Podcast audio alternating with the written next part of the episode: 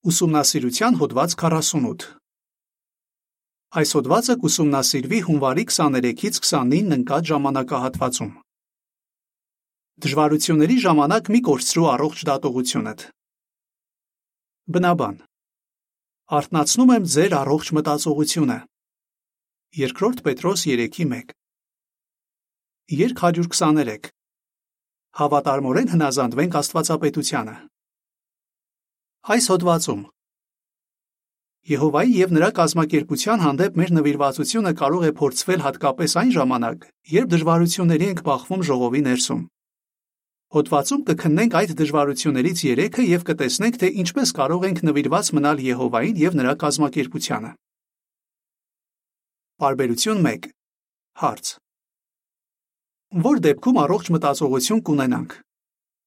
Երկրորդ Պետրոս 3:1 Երբեմն բախվում ենք այնպիսի դժվարությունների, որոնք փորձում են մեր վստահությունը Եհովայի եւ նրա կազմակերպության հանդեպ։ Ինչ կարող ենք անել նման դեպքերում։ Մենք պետք է առողջ մտածողություն ունենանք, հոգեվորապես արթուն մնանք եւ ամուր պահենք մեր հավատը։ Կարդանք երկրորդ Պետրոս 3:1-ը։ Սիրելիներ, այժմ ես երկրորդ նամակն եմ գրում ձեզ, որում ինչպես եւ իմ առաջին նամակում հիշեցումներ տալով արտնացնում եմ ձեր առողջ մտածողությունը։ Մենք առողջ մտածողություն կամ դատողություն կունենանք, եթե հանդարտ մնանք, սթափ դատենք եւ ձգտենք հարցերին նայել Եհովայի տեսանկյունից։ Այդպես վարվելով թույլ չենք տա, որ մեր զգացմունքները իշխեն մեր մտքերի վրա։ Բարբերություն 2 Հարց. Ինչ ենք քննելու այս հոդվածում։ Նախորդ հոդվածից իմացանք, թե ինչ դժվարությունների գուցե բախվենք ժողովից դուրս։ Իսկ այս հոդվածում կքննենք, թե ինչ իրավիճակներ հնարավոր է առաջանան ժողովի ներսում, որոնք կարող են փորձել Եհովայի հանդեպ մեր նվիրվածությունը։ Դրանցից են առաջին. երբ վիրավորվում ենք հավատակցից, երկրորդ. երբ մեզ խրատում են եւ երրորդ. երբ դժվարանում ենք հարմարվել կազմակերպչական փոփոխություններին։ Ինչ կարող ենք անել, որ այսպիսի դժվարությունների բախվելիս չկորցնենք մեր առողջ դատողությունը եւ նվիրված մնանք Եհովային ու նրա կազմակերպությանը։ Երբ վիրավորվում ենք հավատակցից։ Բարբերություն 3 Հարց. Ինչպես գուցե արձագանքենք, եթե վիրավորվել ենք մեր հավատակցից։ Երբևէ վիրավորվել ես հավատակցիցդ, թերևս պատասխանատվություններ ունեցող ինչ-որ մեկից։ Ամենայն հավանականությամբ նա մտադրություն չի ունեցել քեզ նեղացնելու։ Այդուհանդերձ նրա վարվելակերպը ցավ է պատճառել քեզ։ Հնարավոր է դրա պատճառով կորցրել ես քունդ եւ անգամ մտածել. Եթե սա իրոք Աստծո կազմակերպությունն է, ապա նա ինչպես է իրեն նման բան թույլ տալիս։ Իրականում սատանան է ուզում, որ այդպես մտածենք։ Նման բացասական մտածելակերպը կարող է պատճառ դառնալ, որ հեռանանք Եհովայից ու նրա կազմակերպությունից։ Այդ դեպքում ինչ կարող ենք անել, որ չկորցնենք մեր առողջ դատողությունը եւ խուսափենք վնասակար մտքերից։ Բարբերություն 4 Հարց. Հովսեփն ինչպես առողջ դատողություն դրսևորեց, երբ նրա հետ վատ վարվեցին։ Եվ մենք ինչ կարող ենք սովորել նրա օրինակից։ Ծննդոց 50-ի 19-ից 21 Մի դառնացիր։ Երբ Հովսեփը դեռ պատանի էր, նրա ավակ եղբայրները նրան վատ էին վերաբերվում։ Նրանք ատում էին Հովսեփին, եւ նրանցից ոմանք նույնիսկ ուզում էին սպանել նրան։ Ի վերջո Հովսեփի եղբայրները ստրկության վաճառեցին նրան։ Ինչի հետևանքով նա ծանր փորձությունների բախվեց, որոնք շարունակվեցին մոտ 13 տարի։ Հովսեփը կարող էր մտածել, թե Եհովան իրականում չի սիրում իրեն եւ լքել է նեղության պահին։ Բայց նա չդառնացավ։ Փոխարենը սթափ դատեց եւ հանդարտ մնաց։ Իսկ երբ առիթ ստեղծվեց վրեժ լուծելու իր եղբայրներից, Նա չօգտվեց այդ հնարավորությունից, այլ սեր դրսևորեց ու ներեց նրանց։ Հովսեփն այդպես վարվեց, քանի որ առողջ դատողություն ուներ։ Իր խնդիրների վրա կենտրոնանալու փոխարեն նա տեսնում էր ամբողջական պատկերը, այն թե որն էր իր դերը Եհովայի նպատակներում։ Կարդանք ծննդոց 50-ի 19-ից 21-ը։ Հովսեփն ասաց նրանց. Մի վախեցեք, միթե ես Աստված եմ, Դուք մտածեցիք ինձ ճարիք պատճառել, բայց Աստված որոշեց այն բարիք դարձնել, որ เป զի անի այն, ինչ այսօր տեսնում եք, շատ մարդկանց կյանքեր փրկի։ Ոստի հիմա մի վախեցեք։ ես ձեզ ու ձեր երեխաներին ուտելիքով կապահովեմ։ Այդպես նա մխիթարեց նրանց եւ իր խոսքերով վստահություն ներշնչեց։ Ինչ կարող ես սովորել։ Եթե քեզ հետ վատ են վարվում,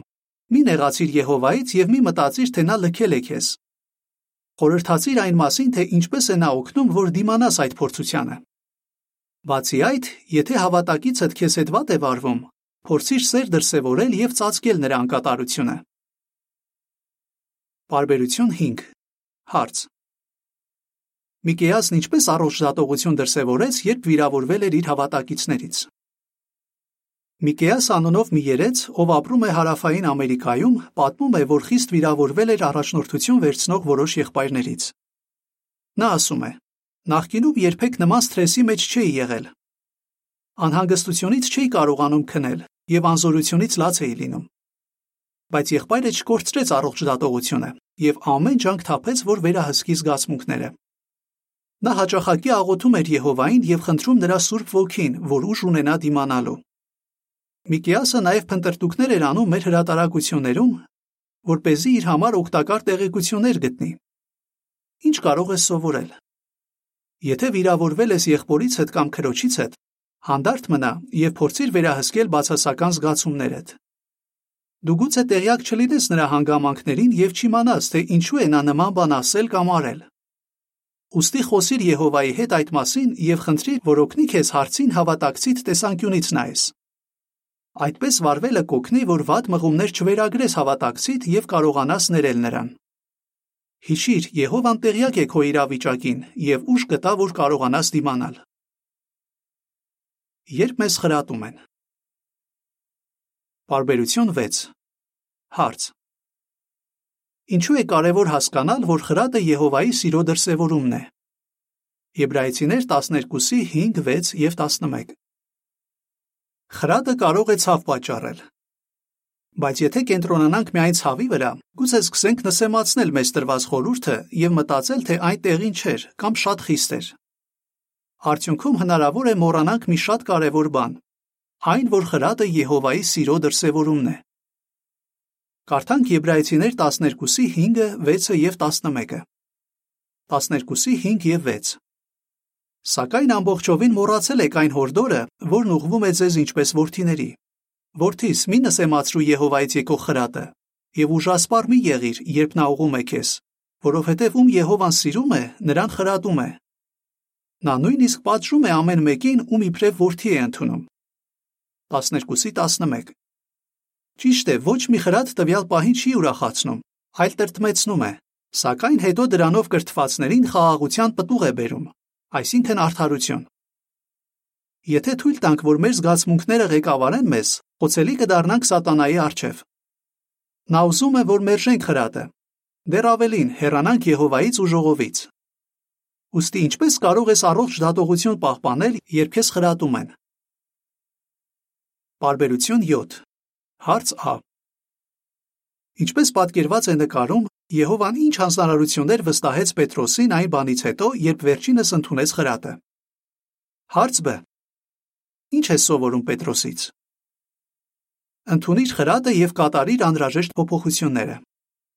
Տարբեր առիթներով Հիսուսը մյուս առաքյալների ներկայությամբ ուղղել է Պետրոսին։ Ամենայն հավանականությամբ վերջինս իրեն շատ վատ է զգացել, բայց շարունակել է նվիրված մնալ Հիսուսին,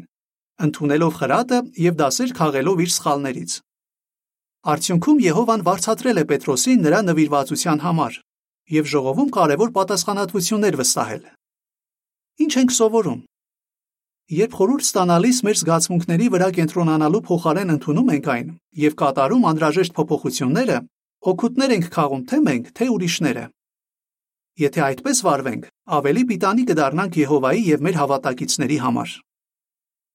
Բարբերությանը կից նկարի մակագրության մեջ ասվում է.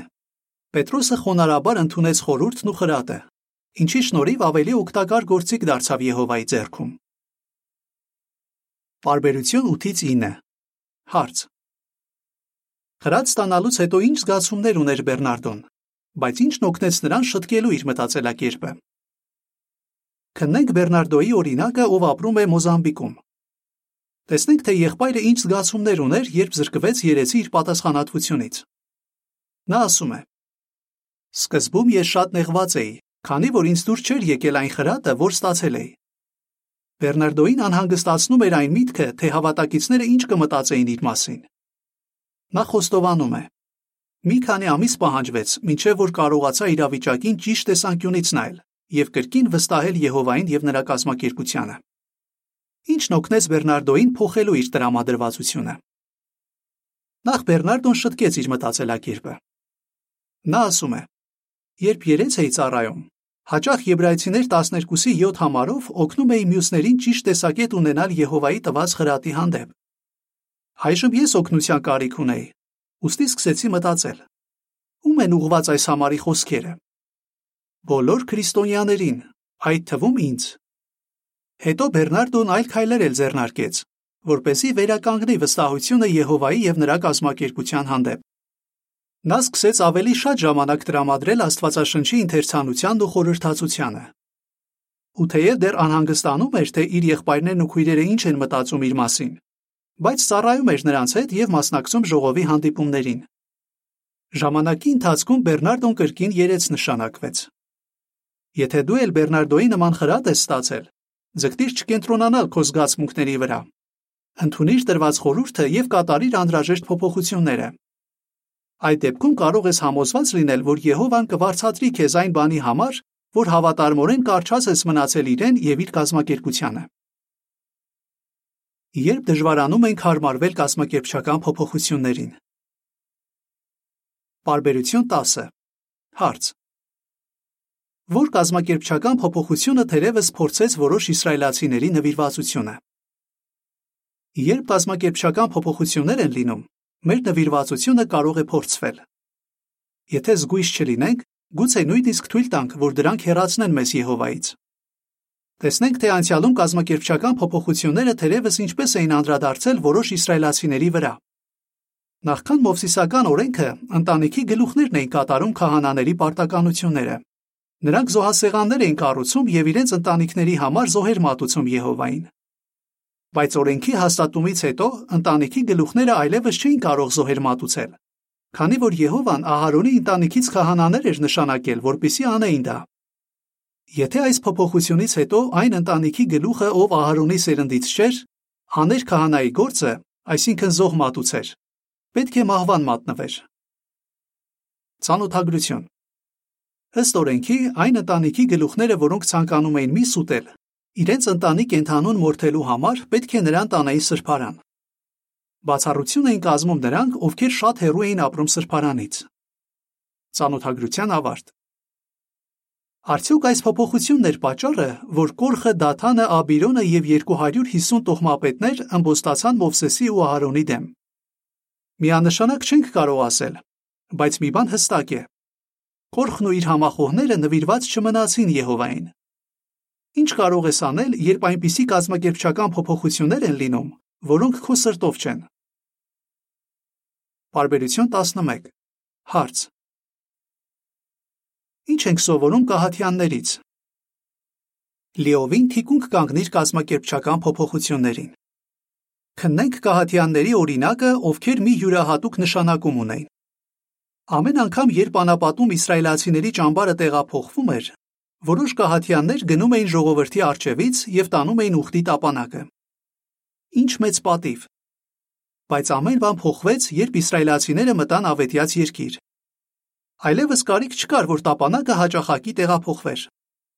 Ոստի Սողոմոնի իշխանության տարիներին կահաթյաններից ոմանք նշանակվեցին ծառայելու որպես երկիչներ, դռնապաններ եւ պահեստի աշխատողներ։ Աստվածաշնչում ոչինչ չի ասվում այն մասին, թե նրանք տրտնջացել են կամ պահանջել, որ իրենց ավելի կարևոր դեր տան։ Հաշվի առնելով, որ անցյալում իրենք յուրահատուկ հանձնարարություն ունեին։ Ինչ կարող ենք սովորել կահատյաններից։ Ամբողջ սրտով թիկունք կանգնիր Եհովայի կազմակերպության կատարած փոփոխություններին, այդ թվում այն փոփոխություններին, որոնք անդրադարձել են քո նշանակումների վրա։ Ուրախություն գտիր ցանկացած հանձնարարության մեջ, որ ստանում ես։ Հիշիր, որ քո արժեքը չի որոշվում քո ունեցած նշանակումով։ Եհովան քո հնազանդությունը շատ ավելի բարձր է գնահատում, քան ցանկացած նշանակում։ Բարբերությանը գից նկարի մակագրության մեջ ասվում է. Երբ Կահաթյանների նշանակումը փոխվեց, նրանք պատրաստակամորեն ծառայեցին որպես երկիչներ, դռնապաններ եւ պահեստի աշխատողներ։ Բարբերություն 12 Հարց. Ինչ զգացումներ ունեցավ Զայինան, երբ նրա նշանակումը փոխվեց։ Քննենք Զայինա անունով մի քրոջ օրինակը, ով ապրում է Մերձավոր Արևելքում։ Զայինան ավելի քան 23 տարի ծառայում էր Բեթելում եւ շատ էր սիրում իր նշանակումը բայց մի օր նրա ծառայությունը դադարեցվում է։ Քույրը պատմում է. Իմ նշանակման փոփոխությունը մեծ ցնցում էր ինձ համար։ Ես ինձ անպիտան էի զգում եւ շարունակ ինքս ինձ հարցնում էի. Տեսնես ինչու՞մ եմ թերացել։ Ցավոք ժողովից որոշ եղբայրներ ու քույրեր նրա վերքին աղ էին լցնում ասելով. Դե երևի այնքան էլ լավ չես արել գործդ, որ քեզ պահեին Բեթելում։ Մի որոշ ժամանակ Զայինան այն աստիճան վհատված էր, որ ամեն գիշեր լաց էր լինում Այդուհանդերձ քույրն ասում է. Ես երբեք չեմ կասկածել, որ Եհովան եւ իր կազմակերպությունը սիրում են ինձ։ Ինչպես Զայինային հաջողվեց չկորցնել սթափ դատելու կարողությունը։ Բարբերություն 13 Հարց. Ինչ արեց Զայինան, որ ձերբազատվի բացասական զգացումներից։ Զայինային հաջողվեց ձերբազատվել բացասական զգացումներից։ Ինչպես։ Մեր հրատարակություններում նա իր իրավիճակի վերաբերյալ հոդվածներ կարդաց, որոնք օգնեցին նրան դիմանալ։ Օրինակ, Զայինային շատ է օգնել կարող եք հաղթահարել վհատության զգացումը հոդվածը։ Տպագրված Դիտարանի 2001 թվականի փետրվարի 1-ի համարում։ Այնտեղ ասվում է, որ Աստվածաշնչի գրողներից մեկը Մարկոսը ամենայն հավանականությամբ նմանատիպ զգացումներ է ունեցել, երբ նրա նշանակումը փոխվել է։ Զայինան պատմում է. Մարկոսի օրինակը դարման եղավ ինձ համար եւ օգնեց, որ հաղթահարեմ վհատությունս։ Բացի այդ, նա մոտ մնաց իր ընկերներին, չմեկուսացավ եւ չլցվեց ինքնախղճահարությամբ։ Զայինան եկավ այն եզրակացության, որ Եհովայի ոգին է առաջնորդում նրա կազմակերպությունը, եւ պատասխանատվություններ ունեցող եղբայրները սիրում են իրեն ու հոգ են տանում իր մասին։ Բայց նա նաև հասկացավ, որ կազմակերպությունը պետք է ձգտի այնպիսի որոշումներ կայացնել, որոնք լավագույնս կնպաստեն Եհովայի գործի առաջխաղացմանը։ Բարբերություն 14 Հարց. Վլադոն որ փոփոխությաններ դժվարանում հարմարվել եւ ինչն օգնեց նրան։ 73-ամյա Վլադոն, ով Սլովենիայում երեց է ծառայում, ասում է, որ իր համար շատ դժվար էր, երբ իրենց ժողովը միավորեցին մեկ այլ ժողովի հետ ու իրենց թակավորության սրահը փակեցին։ Վլադոն պատմում է. Չի կարողանում հասկանալ, թե այդ գեղեցիկ սրահը ինչու պետք է փակվեր։ Ես նեղված էի, քանի որ նոր էինք վերանորոգել այն։ Մասնագիտությամբ կահույքագործ եմ, եւ սրահի նոր կահույքի մի մասը իմ ձեռքով էի պատրաստել։ Բացի այդ, ժողովների միավորման հետևանքով շատ փոփոխություններ անելու կարիք առաջացավ, ինչը մեծ տարեց քարոզիչներիս համար այդքան էլ հեշտ չէր։ Ինչն օգնեց Վլադոին թիկունք կանգնել տրված առաջնորդությանը։ Նա ասում է. Եհովայի կազմակերպության կատարած փոփոխություններին հարմարվելը միշտ օրհնություններ է բերում։ Դրանք պատրաստում են մեզ ապագայում սպասվող ավելի մեծ փոփոխությունների։ Դու ել ես դժվարանում հարմարվել այն փոփոխություններին, որ իր հետ բերում է ժողովների միավորումը կամ նշանակման փոփոխությունը։ Համոզված եղիր, որ Եհովան հասկանում է քեզ, եւ եթե թիկունք կանգնես այդ փոփոխություններին եւ նվիրված մնաս նրան ու նրա կազմակերպությանը, նա անկասկած կօրհնի քեզ։ Երբեք մի կորցրու առողջ դատողությունդ։ Բարբերություն 15։ Հարց. Ինչպես կարող ենք առողջ դատողություն պահպանել, երբ դժվարությունների ենք բախվում ժողովի ներսում։ Միշտ մոտենում է այս աշխարհի վաղճանը, հնարավոր է մենք ավելի շատ դժվարությունների բախվենք ժողովի ներսում։ Դրանք կարող են փորձել մեր նվիրվածությունը Եհովայի հանդեպ։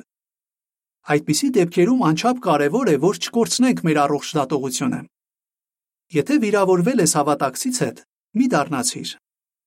Եթե խրատ ես ստացել, մի կենտրոնացիր քո զգացմունքների վրա։ Ընթունիր խորհուրդը եւ կատարիր անհրաժեշտ փոփոխությունները։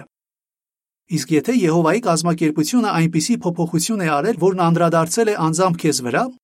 սրտանց ընդունիր այն եւ հնազանդվիր տրված առաջնորդությանը։ Բարբերություն 16 Հարց. Ինչ կարող ես անել, որ չկորցնես վստահությունդ Եհովայի եւ նրա կազմակերպության հանդեպ։ Երբ նվիրվածությունդ փորձվում է, մի կորցրու վստահությունդ Եհովայի եւ նրա կազմակերպության հանդեպ։ Դրա համար կենսական է, որ առողջ դատողություն պահպանես։ Այսինքն հանդարտ մնաս, սթափ դատես եւ հարցերին նայես Եհովայի տեսանկյունից։ Ուսումնասիրիր Աստվածաշնչյան այնպիսի կերպարների օրինակներ, ովքեր նմանատիպ խնդիրներ են ունեցել ինչ դու, եւ խորհրդածիր դրանց շուրջ։ Աղոթիր Եհովային օգնության համար եւ երբեք մի մեկուսացիր ժողովից։ Այդ դեպքում ինչ դժվարության էլ բախվես, Սատանային երբեք չի հաջողվի հեռացնել քեզ Եհովայից եւ նրա կազմակերպությունից։ Կրկնության հարցեր։ Ինչպես կարող ենք նվիրված մնալ Եհովային եւ նրա կազմակերպությանը, երբ վիրավորվում ենք հավատակցից, մեզ խրատում են,